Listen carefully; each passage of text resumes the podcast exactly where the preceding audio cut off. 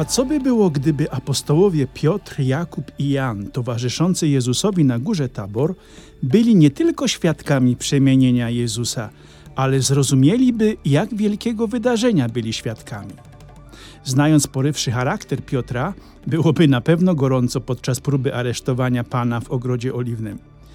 Niestety, ale uczniowie doświadczyli tylko przerażenia, że są świadkami wydarzeń, które zwiastują im niechybną śmierć. Co tak naprawdę wydarzyło się na górze Tabor? Czym jest góra Tabor dla każdego z nas? O tym w dzisiejszym podcaście. Ja jestem brat Krzysztof, jestem kapucynem, mieszkam w Innsbrucku, a w podcastach zajmuję się promowaniem kultury misyjnej na przykładzie Indonezji i Madagaskaru, gdzie w miejscowym kościele od ponad 60 lat pracują moi współbracia z Austrii.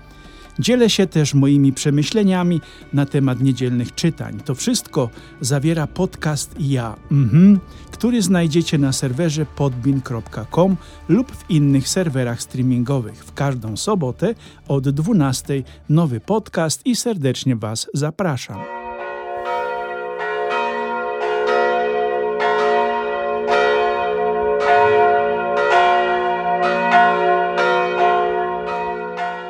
Dzisiejsza niedziela, zwana też Niedzielą Przemienienia Pańskiego, wspomina wydarzenie, które miało miejsce na górze Tabor przed zbliżającą się męczeńską śmiercią Jezusa w Jerozolimie. Jezus jak zwykle oddala się od apostołów na samotne miejsce, aby się modlić, czyli rozmawiać z Ojcem w niebie. Z tym różnicą, że tym razem Jezus zabiera ze sobą trzech uczniów, Piotra, który będzie odpowiadał za wszystkich w przyszłości, Jakuba, który stanie się pierwszym męczennikiem za wiarę, oraz Jana, najmłodszego z apostołów, którego Ewangelia stanie się pierwszym traktatem teologicznym dla rodzącego się Kościoła. Ja przynajmniej tak odczytuję tajemnicę zabrania właśnie tych trzech uczniów. Co stało się na górze Tabor, że aż tak przerazili się uczniowie, że zamiast się cieszyć, wygadywali głupoty? Po pierwsze, na górze Tabor ci trzej uczniowie dostąpili łaski widzenia Królestwa Bożego takim, jakie ono jest. Po drugie, uczniowie ujrzeli swojego mistrza zupełnie inaczej. Z opisu ewangelisty dowiadujemy się, że twarz i szaty Jezusa stały się zupełnie inne, pełne chwały, białe jak nikt nie potrafi wybielić. Po prostu dokonała się transfiguracja. Jezus pokazał się apostołom prawdziwie takim, jakim jest w Królestwie Ojca. No, ale według Pisma Świętego człowiek nie przeżyje oglądania chwały Boga. Dlatego apostołowie, w obawie, że zaraz umrą, nie byli w stanie przeżywać radości niebiańskiej rzeczywistości, którą za chwilę mieli światu zwiastować i za którą mieli oddać męczeńsko swoje życie. Oni ukryli swoją twarz w dłoniach, aby tego wszystkiego nie widzieć i móc dalej żyć. Głupie, prawda? Ale tacy byli ci uczniowie Jezusa. Ciągle się bali o to swoje marne życie. Po trzecie, uczniowie widzieli fizyczną obecność patriarchów Mojżesza i Eliasza, którzy od wieków przecież nie żyli. Oni przyszli rozmawiać z ich mistrzem, czyli byli żywi.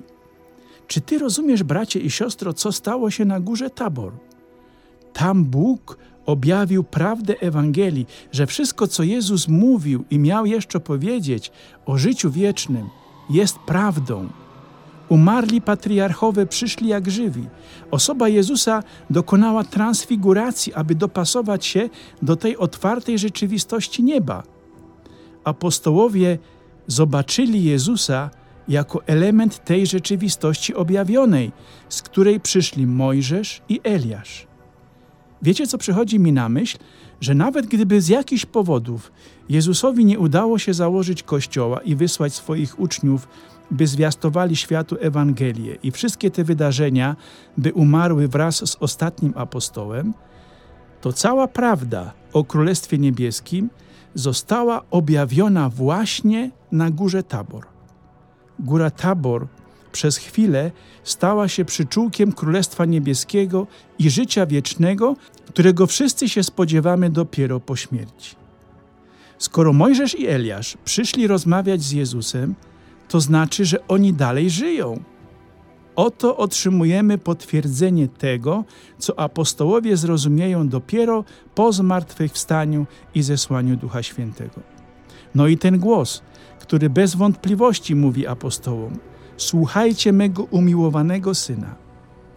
To dziwne, że ci trzej apostołowie nie posiwieli przerażenia. Dzięki Bogu, że ich zachował przy życiu, bo dzięki temu i my dowiadujemy się prawdy o naszej przyszłości.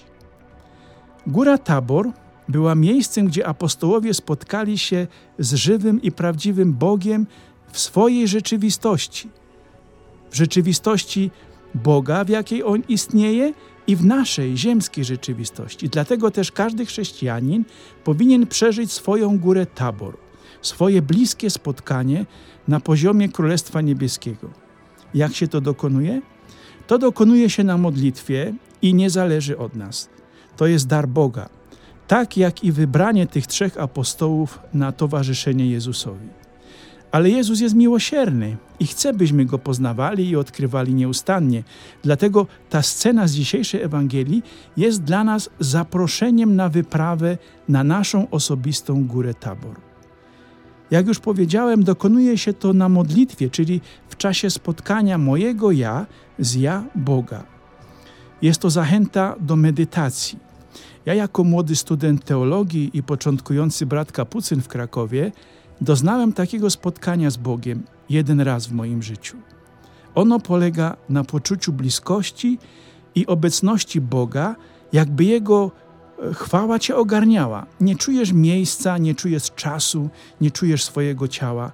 Nie ma dla Ciebie nic innego znaczenia, jak trwać w tej bliskości, która daje szczęście. Wielu modlących się chrześcijan doznaje tej łaski, ale jednak nie wszyscy. Czasami ci, którzy raz doznali tej Bożej obecności, próbują dalej podejmować wysiłek medytacji takiej czy innej właśnie dla tego przeżycia, ale to rzadko się powtarza, bo to łaska, którą daje Pan. My niczym jej nie zasługujemy. Zapraszam Was, bracia, wejdźcie na Waszą górę tabor. Doznacie prawdziwej obecności Boga, odwagi i nie zniechęcajcie się. Niech Pan obdarzy Was pokojem.